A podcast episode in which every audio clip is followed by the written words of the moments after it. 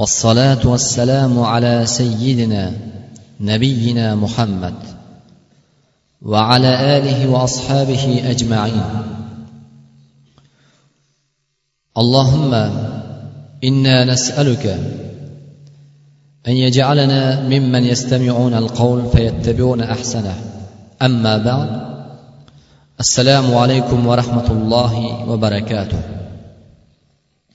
محترم aziz mo'min musulmon birodarlar alloh subhanava taolo hammalarimizga bu juma kunida o'zining rasuli muhammad sollallohu alayhi vasallamga ko'p salovat aytishlikka alloh muvaffaq qilsin.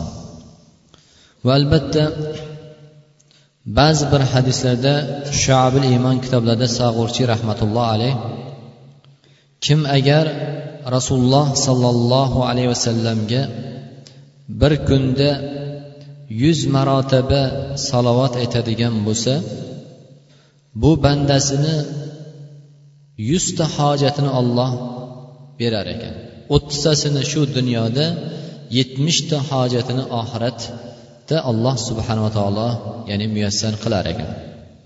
Shuning uchun azizlar bu kunda o'zlarimiz ham ahillarimizga yoru birodarlarimizga ham tillarimizda ko'p salovat aytishlik va xususan u zot marhamat qilib aytdilarki qiyomat kunida menga yaqin bo'lgan ya'ni meni yonimda turadigan ummatlarim ya'ni menga dunyoda ko'p salovat aytganlaridir degan ekanlar.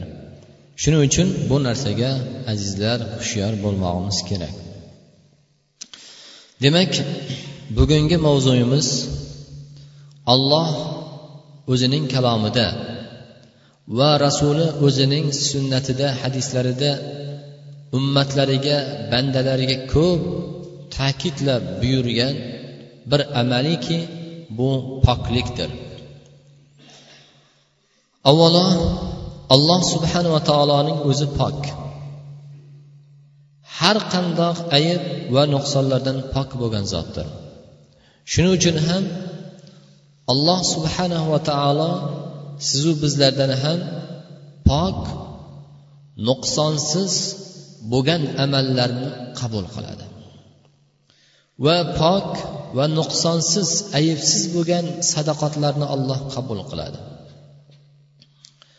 Nuqsonsiz ayibsiz bo'lgan ibodatlarni olloh qabul qiladi. Sababi olloh o'zi pok va pok narsalarni olloh ma'qul ko'radi. Shuning uchun ham dinimiz sizu bizlarni poklikka buyurdi.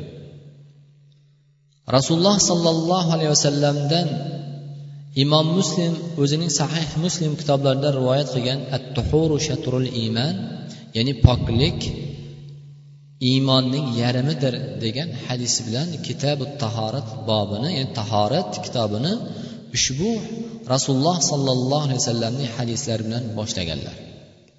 Ya'ni shu kitoblarda bayon qilgan. At tuhuru shatrul iymon tahorat iymonning yarmidir boshqa bir hadislarida la yuhafizu alal vudu illal mu'min ya'ni tahoratga mustahkam bo'lmaydi tahoratni saqlamaydi mo'mindan mo'mingina dedilar. Ya'ni faqat tahoratni mo'mingina saqlaydi dedilar. Doim tahoratlik pok bo'ladigan zot mo'mindir dedilar. Shuning uchun at tuhuru shatrul iymon poklik bu iymonning yarmidir degan hadisni sharhida ulamolarimiz aytgan ekanlarki iymonning xususiyati hammamizga ma'lum amal va so'zdan tashkil topgan. Insonning demak iymonining xususiyati xislatlari bu insonning so'zida va insonning amalida ko'rinadi. Qaysi bir insonni so'zi va amali yaxshi bo'ladigan bo'lsa solih bo'ladigan bo'lsa bu insonning o'sha qalbini poklashlikka ya'ni sabab bo'lar ekan. Demak qalb bu botiniy ichki xislat. Insonning ichini poklaydigan narsa endi tashini poklaydigan narsa vallohu alam bu nima? Tahorat g'usul. Shuning uchun ham yarimi ichki botiniy qalbini poklaydigan bo'lsa va yarimi bu insonni tashini poklaydigan amallar demak bu tahorat va so'z va amallar. Shuning uchun ham bu hadisdan murod poklik iymonning yarmidir degandan murod shu narsa ekan. Ya'ni insonning tashqi a'zolarini poklaydigan narsa bu tahorat poklik holatda yurishligi va g'usulda bo'lishligi va rasululloh shuning uchun ham juma kunida g'usul qilishligini sunnat qildilar. Jumaga keladigan jamoat joyga boradigan odamlar masalan hayit namozlarida arafatga chiqadigan jamoat to'planadigan joylarda yoki bo'lmasa ilmiy bir jamoat majlisi bo'ladigan joylarga borganda ham har bir inson o'zini chiroyli bir poklab tahorat bilan g'usul bir holatida bormoqligini ya'ni afzal bo'ladi. Avvalo bu insonning badanini poklik bo'lishligi bu iymonni yarim bo'lsa lekin eng muhimi dinimiz buyurgan narsa insonning qalbini salomat bo'lishini pok bo'lishligini buyurdi. Chunki insonning qalbini pok bo'lishligi azizlar bu odamni butun a'zolarini butun amallarini butun so'zlarini pok bo'lishliga sabab bo'lar ekan. Chunki rasululloh sollallohu alayhi vasallam insonning har bir insonni jasadida bir laxta et borligini xabar berdilar agar o'sha laxta et pokiza bo'ladigan bo'lsa insonni butun a'zolari pok bo'ladi dedilar ya'ni isloh bo'ladi solih bo'ladi o'sha ozginagina laxta et nima bu qalb إذا صلح صلح الجسد كله وإذا فسد فسد الجسد كله ألا وهي القلب dedilar Agar o'sha lahta et solih bo'ladigan bo'lsa sog'lom bo'ladigan bo'lsa bu insonni nima? Butun a'zolari jasadi sog'lom bo'ladi dedi. Bu tibbiy ma'nodagi sog'lik emas birodarlar. Ruhiy inson jismoniy tibbiy tomondan har qancha sog'lom bo'lsa ham lekin qalbi nosog'lom bo'ladigan bo'lsa birodarlar bu asl maqsad emas. Asl maqsad insonni qalbi salomat bo'lishligi sog'lom bo'lishligi solih bo'lishligi o'zi va allohdan boshqa hech kim bilmaydigan qalbdagi niyati qalbdagi kechinmas maqsadlari solih bo'lishi kerak.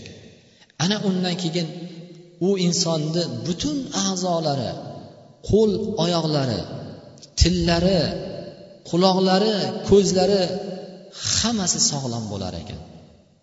Ya'ni olloh rozi bo'ladigan va insonlar ham rozi bo'ladigan muhabbatini topadigan inson bo'lar ekan. Va ida fasad agar fosid bo'lsachi qalb o'sha bir lahta et agar aynisachi buzilsachi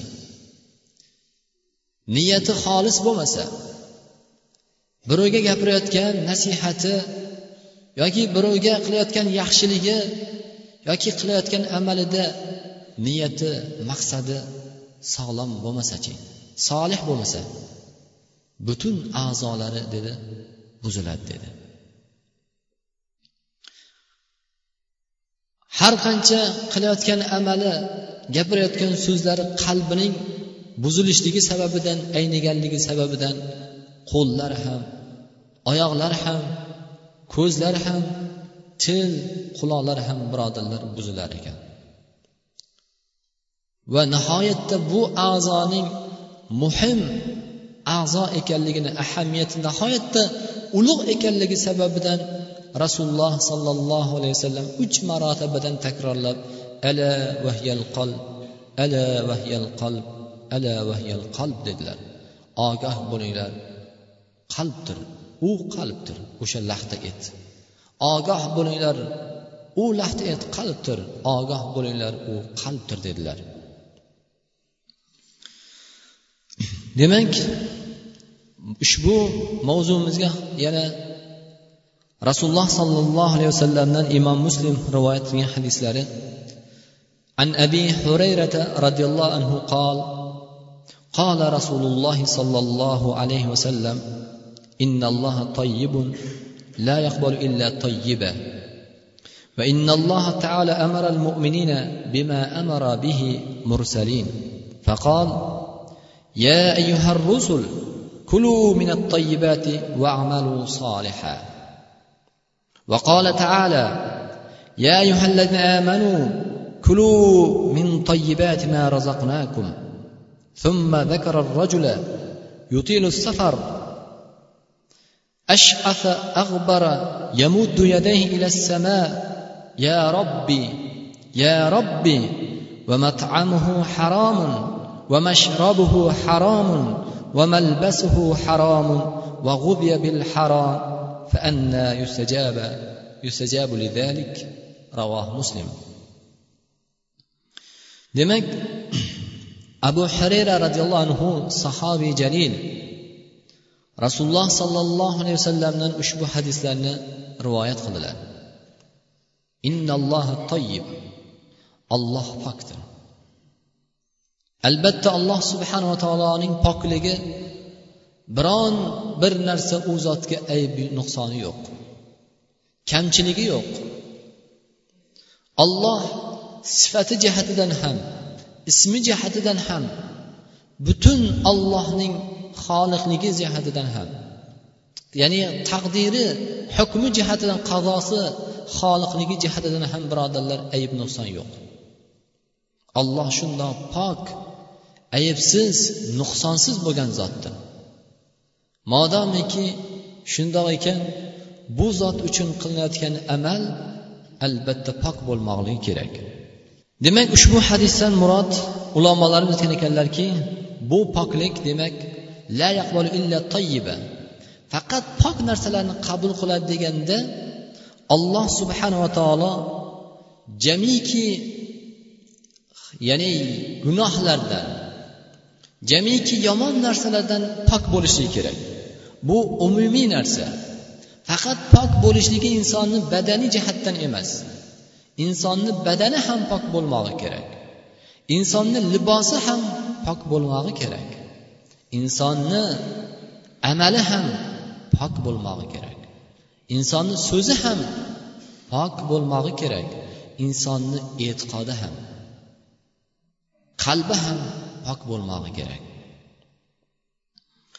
Alloh subhanava taolo qur'oni karimda qul la yastavil habis va toyib valau ajabaka kasratul rasululloh sollallohu alayhi vasallamga marhamat qilib aytdilarki ayting la yastavil habis va tayyib habis yomon narsa bilan yaxshi narsa pokiza narsa hech qachon barobar bo'lmaydi.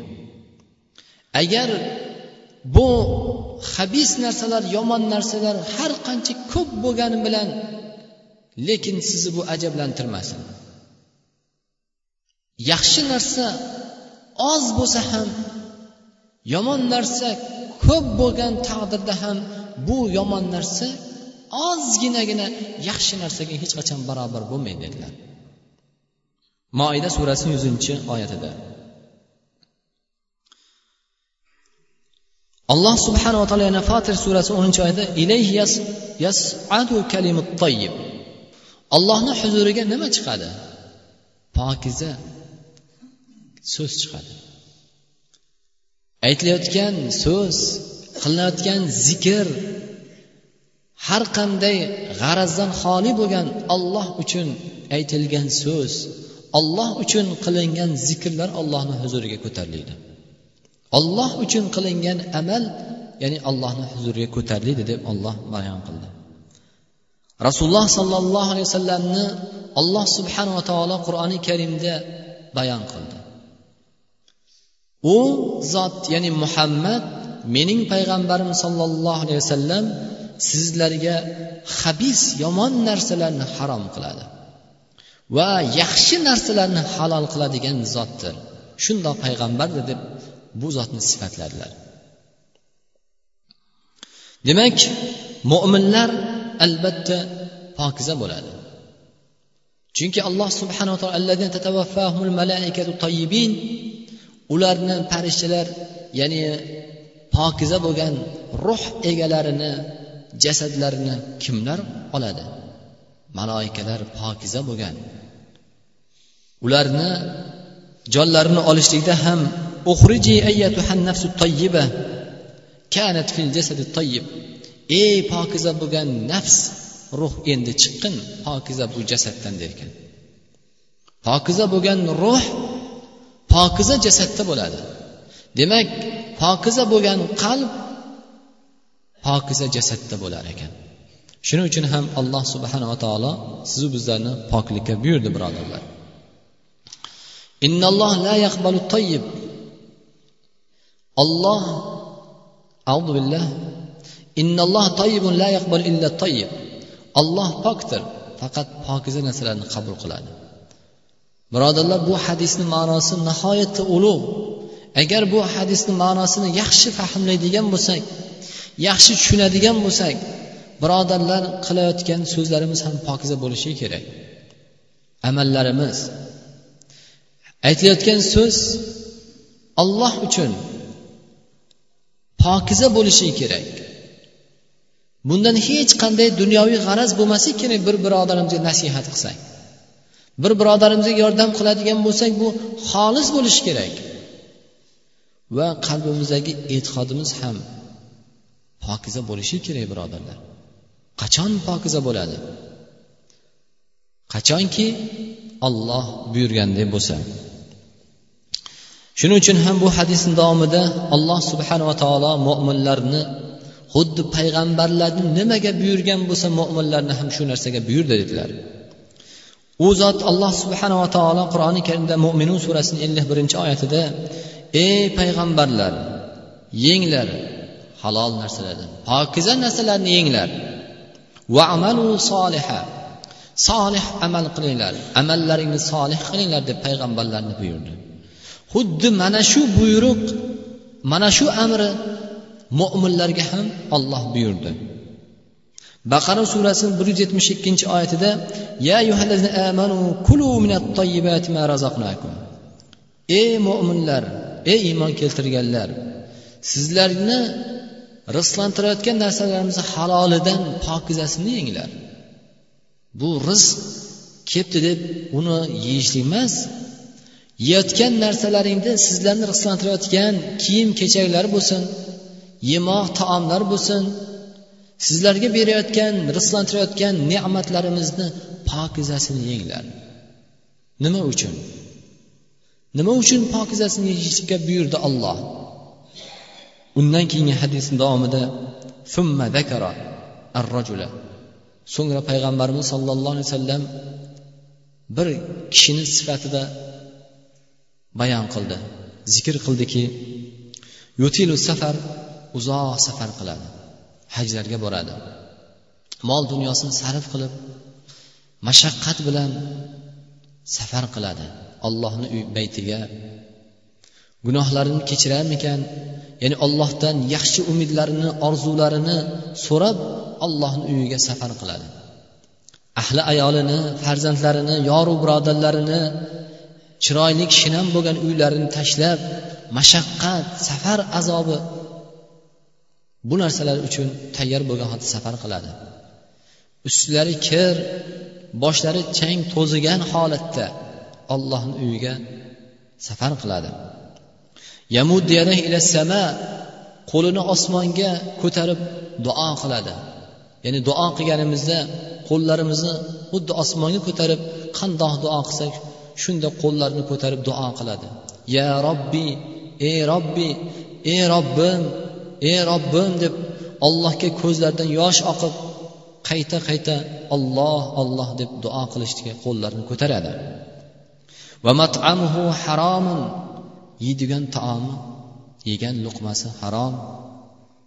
Va mashrabuhu haromun ichayotgan suvi sharobi harom. Va malbasuhu haromun kiyayotgan liboslari harom. Ya'ni shubhalik harom libos. Birovni haqqiga xiyonat qilib yoki harom yo'l bilan yeydi ichadi kiyadi. Olloh buni duosini qabul qiladimi? deb aytdilar. Demak olloh sizu bizlarni rizqlantirayotgan ne'matlari bilan taomlari bilan sharoblari bilan liboslarni halolni kiyadigan bo'lsa nima? Olloh bu bandasini halolni yeydigan ichadigan bo'lsa duosini qabul qiladigan darajaga ko'tarar ekan. Sababi ya'ni natijasi mana shu ekan.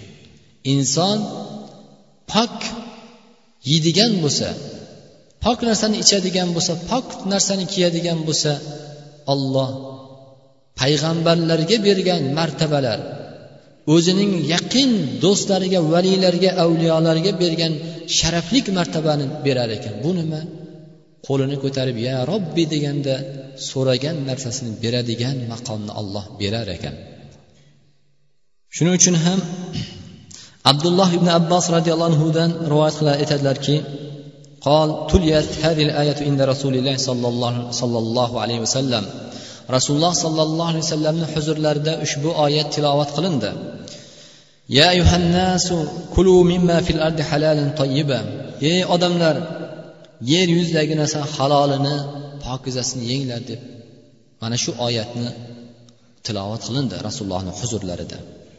Faqoma sad ibn abu vaqqos sahobiy jalil sad ibn abu vaqqos roziyallohu anhu turdilarda ya rasululloh udulloh an yaj'alani mustajabat da'va mening duo qiling meni haqqimga meni duoyimni qabul qiladigan bandasidan bo'lay allohni deb shu duoni so'radilar فقال النبي صلى الله عليه وسلم يا سعد shunda u zot aytdilarki ey sad atib matamak takun mustajaba da'va ey sad taomingni pok narsani yegin ya'ni halol pokiza narsani yegin takun mustajabat da'vati ya'ni seni duoying qabul bo'ladigan bandasidan bo'lasan dedilar. Vallazi nafsi muhammadin biyadi. Muhammadning joni qo'lida bo'lgan zotga qasamki innal abd innal abda la yaqdhifu luqmatal harama fi jawfi ma yutaqabbal minhu amalu 40 yawman. Albatta banda qorniga bir luqma harom luqmani soladigan bo'lsa alloh subhanava taolo bu bandasini qirq kunlik ibodatini qabul qilmaydi dedilar. Bir luqma harom luqma uchun birodarlar.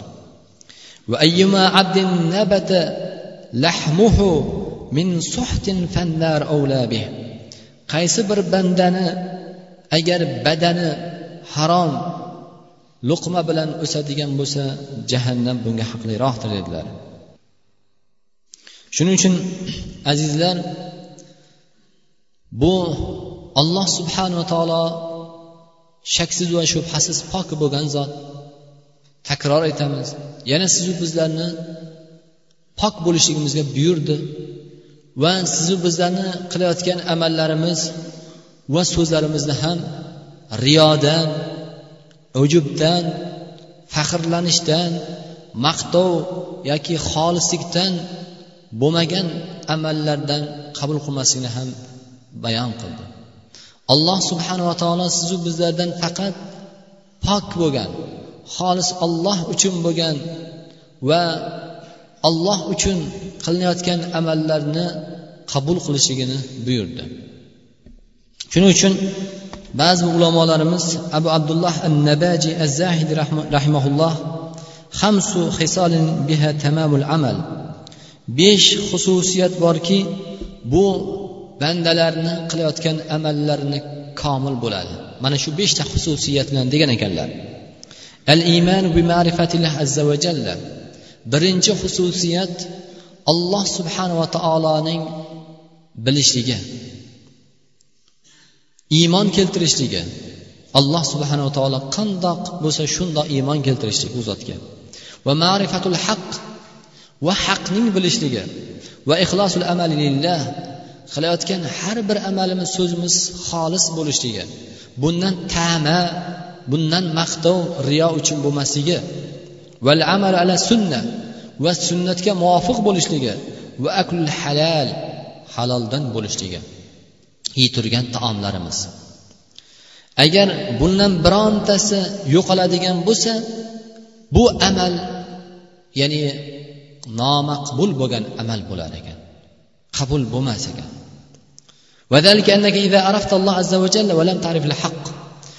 Agar bir banda ollohni bilsayu lekin haqni bilmasa buni foydasi yo'q ollohni bilishligi.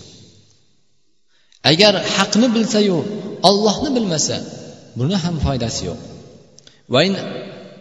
Araftalloha va araftal haqqa valam tuhlisil amal ollohni bilsayu haqni bilsa lekin qilayotgan amalida so'zida xolislik bo'lmasa. Bir birodarga qilayotgan nasihati bo'lsin yordami bo'lsin. Nima bo'lishidan qat'iy nazar xolis olloh uchun. Shu birodar muhtojmi? Shu birodarimiz yordamiga nasihatga muhtojmi? Ey birodar mana shunda bu amalingiz noto'g'ri.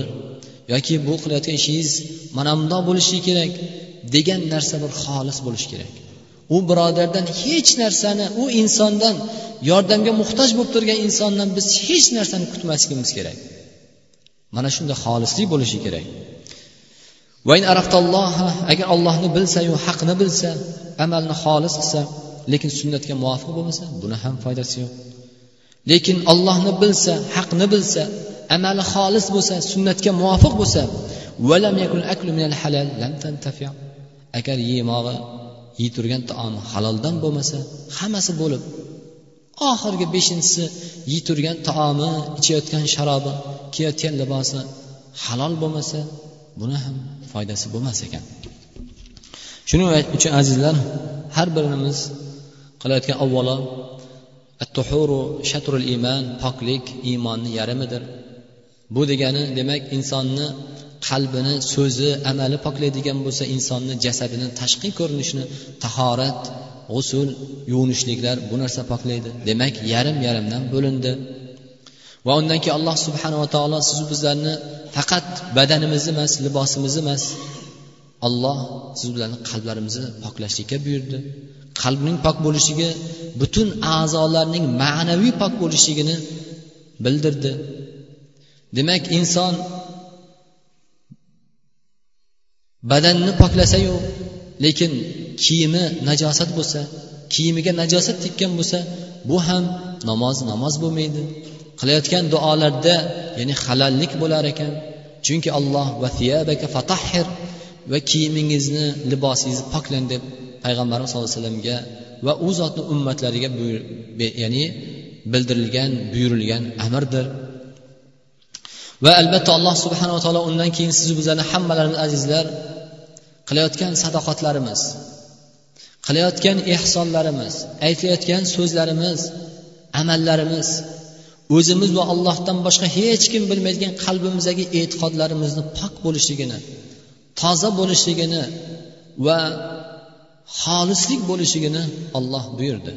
Ana shu bandalarni agar pokiza bo'ladigan bo'lsa yeturgan taomi ham amallari so'zlari e'tiqodlari alloh bularni juda ulug' sharaflik bandalari payg'ambarlari avliyolarniga bergan ne'matlardan berar ekan. Bu ularni qilgan duolari qabul bo'lishligi ey parvardigoro menga hidoyat bergin desa qabul meni farzandimni isloh qilgin desa qabul meni dardimga shifo bergin yoki bu birodarimni ahlimni farzandimni dardiga shifo bergin desa bu ham alloh qabul qilib mustajob bo'lishiga eng asosiy omil sabab ekan. Shuning uchun azizlar ba'zi ulamolar aytgan ekanlarki salaf ba'zi bir salaflar la tastatul ijaba va qad turuqaha bil maasi ya'ni sizlar duo qilamizu lekin duoyimiz qabul bo'lmaydi deb ko'pincha o'zimiz yani tushkunlikka tushamiz. Sizlar duoni qabul bo'lmasligidan so'ragan narsalaringni ya'ni olloh muhayyo qilib bermasligidan sizlar hech ya'ni g'amga tushmanglar nima uchun? Ya'ni bu olloh qabul qiladigan duolaringni yo'lini o'zlaring gunohlaring bilan to'sib qo'ydilaring. Ba'zi bir shoirlar aytgan ekanlar nahnu nadu ilaha fi kulli karbin thumma nansahu inda kashfil kurubi kayfa narju ijabatan liduain qad sadadna tariqaha bizunubi. Biz allohga iltijo qilib duo qilamiz boshimizga musibat kelganda g'am tashvish kelganda va so'ngra ollohni esdan chiqaramiz. Agar biz boshimizga shu musibat shu balo g'am tashvish ko'tarilgandan keyin qanaqasiga biz duoyimizni mustajob bo'lmayapti ijobat qilarmikan deb umid qilamiz. Vaholanki biz duolarimizni yo'lini gunohlar bilan to'sib qo'ydik. yeturgan taomlarimizda gunohlardan xoli bo'lmay ichayotgan sharoblarimizda kiyayotgan liboslarimizda aytayotgan so'z amallarimizda gunohlardan xoli bo'lmay duolarimizni yo'lini to'sib qo'yar ekanmiz albatta alloh subhanaa taolo kahf surasida أعوذ بالله من الشيطان الرجيم إن الذين آمنوا وعملوا الصالحات إنا لا نضيع أجر من أحسن عملا albatta iymon keltirgan solih amal qilgan bandalarimizni biz ularni mukofotsiz qo'ymaymiz. Ularni qilayotgan amallarini jazosiz qo'ymaymiz. Albatta ajrni beramiz. Man ahsana amala. Ya'ni kim yaxshi amal qiladigan bo'lsa albatta u mo'minlarga musulmonlarga biz ularni ya'ni yo'qotmaymiz qilayotgan amallarini so'ragan narsasini beramiz istagan narsasini beramiz ularni dunyoda oxiratda saodatini beramiz. Oxiratda dunyoda saodatli xursand o'zi ham ko'zini quvontiradigan qalbini xotirjam qilib ahli ayolini ko'zini quvontiradigan axloqli odobli qilib yoru birodarlarni solih iymonlik ya'ni rostgo'y yoru birodarlar qilib va oxiratda dunyodan ketayotganda iymon bilan va oxiratda o'zimizni hech narsaga barobar bo'lmaydigan ko'z ko'rmagan quloq eshitmagan insonni fikriga kelmagan jannatlar bilan mukofotlaymiz. Biz bu narsani yo'qotmaymiz deb alloh bayon qildi. Shuning uchun azizlar yana rasululloh sollallohu alayhi vasallam aytgan ekanlarki ozodalik ya'ni ba'zi shu hadis rivoyatda innalloh toyib olloh pok va pok narsalarnigina qabul qiladi. Alloh subhana taolo toza navifun faqat navif narsalarni qabul qiladi. Va alloh subhana taolo ya'ni sahiydir oliy himmatdir oliy himmatlarni yaxshi ko'radi dedilar. Shuning uchun azizlar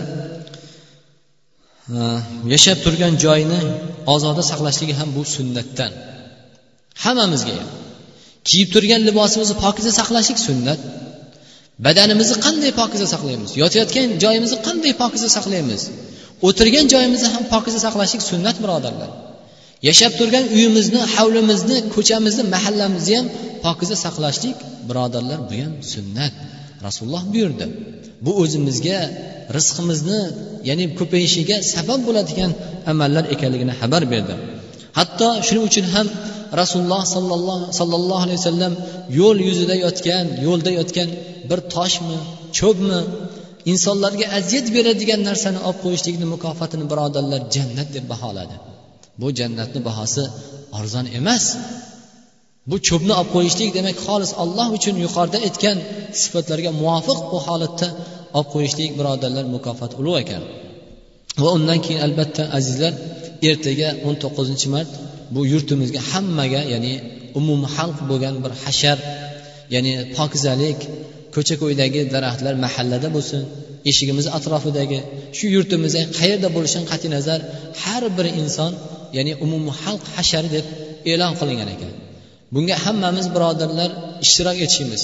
Uyimizni ko'chamizni mahallamizni shu yurtimizni qayerda bo'lishidan qat'iy yo'limizni ham pokiza saqlashligimiz bu ham albatta bir birlarimiz uchun xolis ya'ni savob bo'ladigan amallardir. Bunga hammamiz hushyor bo'lishimiz kerak. Bismillah vassalotu vassalamu ala rasulilloh allohumma ayna ala zikrika va shukrika va husni ibadatik alloh hammalarimizni qilayotgan ibodatlarimizni alloh qabul qilgin. Senga iltijo qilib qilayotgan duolarimizni alloh mustajob duolardan qilgin. Alloh hammalarimizni o'zlarimizni avvalo tan jonimizni ahillarimizni zurriyotlarimizni alloh tan jonlarni sihat salomat qilgin. Va o'zing rozi bo'lgan yo'llardan yurishga alloh hammalarini muyassar aylagin bu jamoatni ham parvardigoro hammalarimiz yaxshi niyatlarimiz orzularimiz bor alloh muyassar qilgin. Xonadonlarimiz yurtimizni tinchlik xotirjamlikda barqaror qilgin. qarzdor birodarlarimiz bor alloh ularni qarzini ado qilishga alloh o'zing muyassar qilgin muhtojlari bor alloh hojatlarini barqaror qilgin bemorlari bor alloh shifo bergin zalolatda gunoh yo'llarida yurganlar bor alloh ularni ham tavfiq hidoyat berib haq yo'lda ularga ham bizlarga ham alloh hidoyat bergin va sallallohu ala sayyidina muhammad rahmatika arhamar rohimin أعوذ بالله من الشيطان الرجيم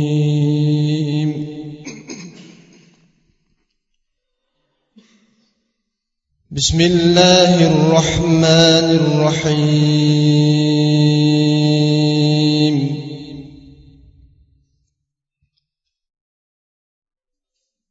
لقد صدق الله رسوله الرؤيا بالحق. لتدخلن المسجد الحرام إن شاء آمنين محلقين رؤوسكم. محلقين رؤوسكم ومقصرين لا تخافون.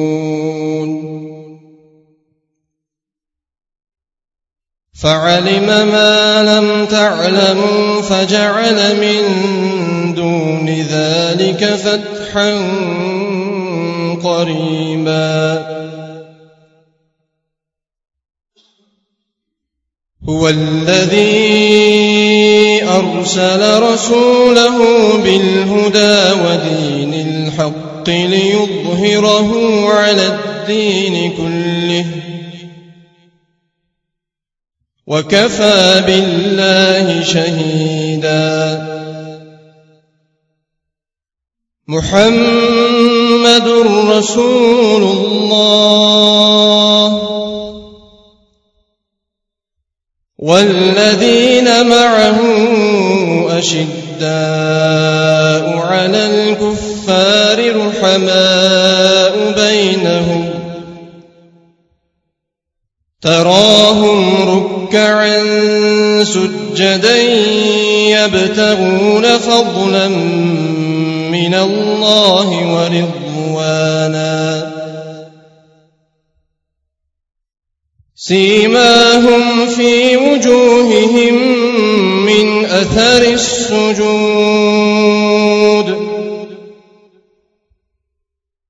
ذلك مثلهم في التوراة. ومثلهم في الإنجيل كزرع أخرج شطأه فآزره فاستغلظ فاستوى فاستغلظ فاستوى على سوقه يعجب الزراع ليغيظ بهم الكفار وعد الله الذين آمنوا وعملوا الصالحات منهم منهم مغفرة وأجرا عظيما. سبحان ربك رب العزة عما يصفون. وسلام على المرسلين والحمد لله رب العالمين. اللهم ارحمنا بالقرآن العظيم واجعله لنا حجة يا رب العالمين. اللهم اجعله لنا إماما ونورا وحدا ورحمة. اللهم آت نفوسنا تقواها وزكها وأنت خير من زكاها. أنت وليها ومولاها. alloh hammalarimizni ota onalarimizni alloh rahmat qilgin ularni taqvolarini ziyoda qilgin solih amallarni o'zlariga hamroh qilgin alloh bizlarga qandoq go'dakligimizda mehribon rahmdil bo'lgandek alloh ularga ham sen shundoq mehribon rahmdil bo'lgin. Va bizlarni ham o'zlarimizni farzandlarimizni ahllarimizni ham alloh o'zing dunyoda solih amalda dunyo saodatini va oxirat saodatini bu jamoat bilan hammalarimizga alloh o'zing nasib aylagin. Va sallallohu ala sayyidina muhammad. Rahmatga assalomu alaykum va rahmatullohi va barakatuh.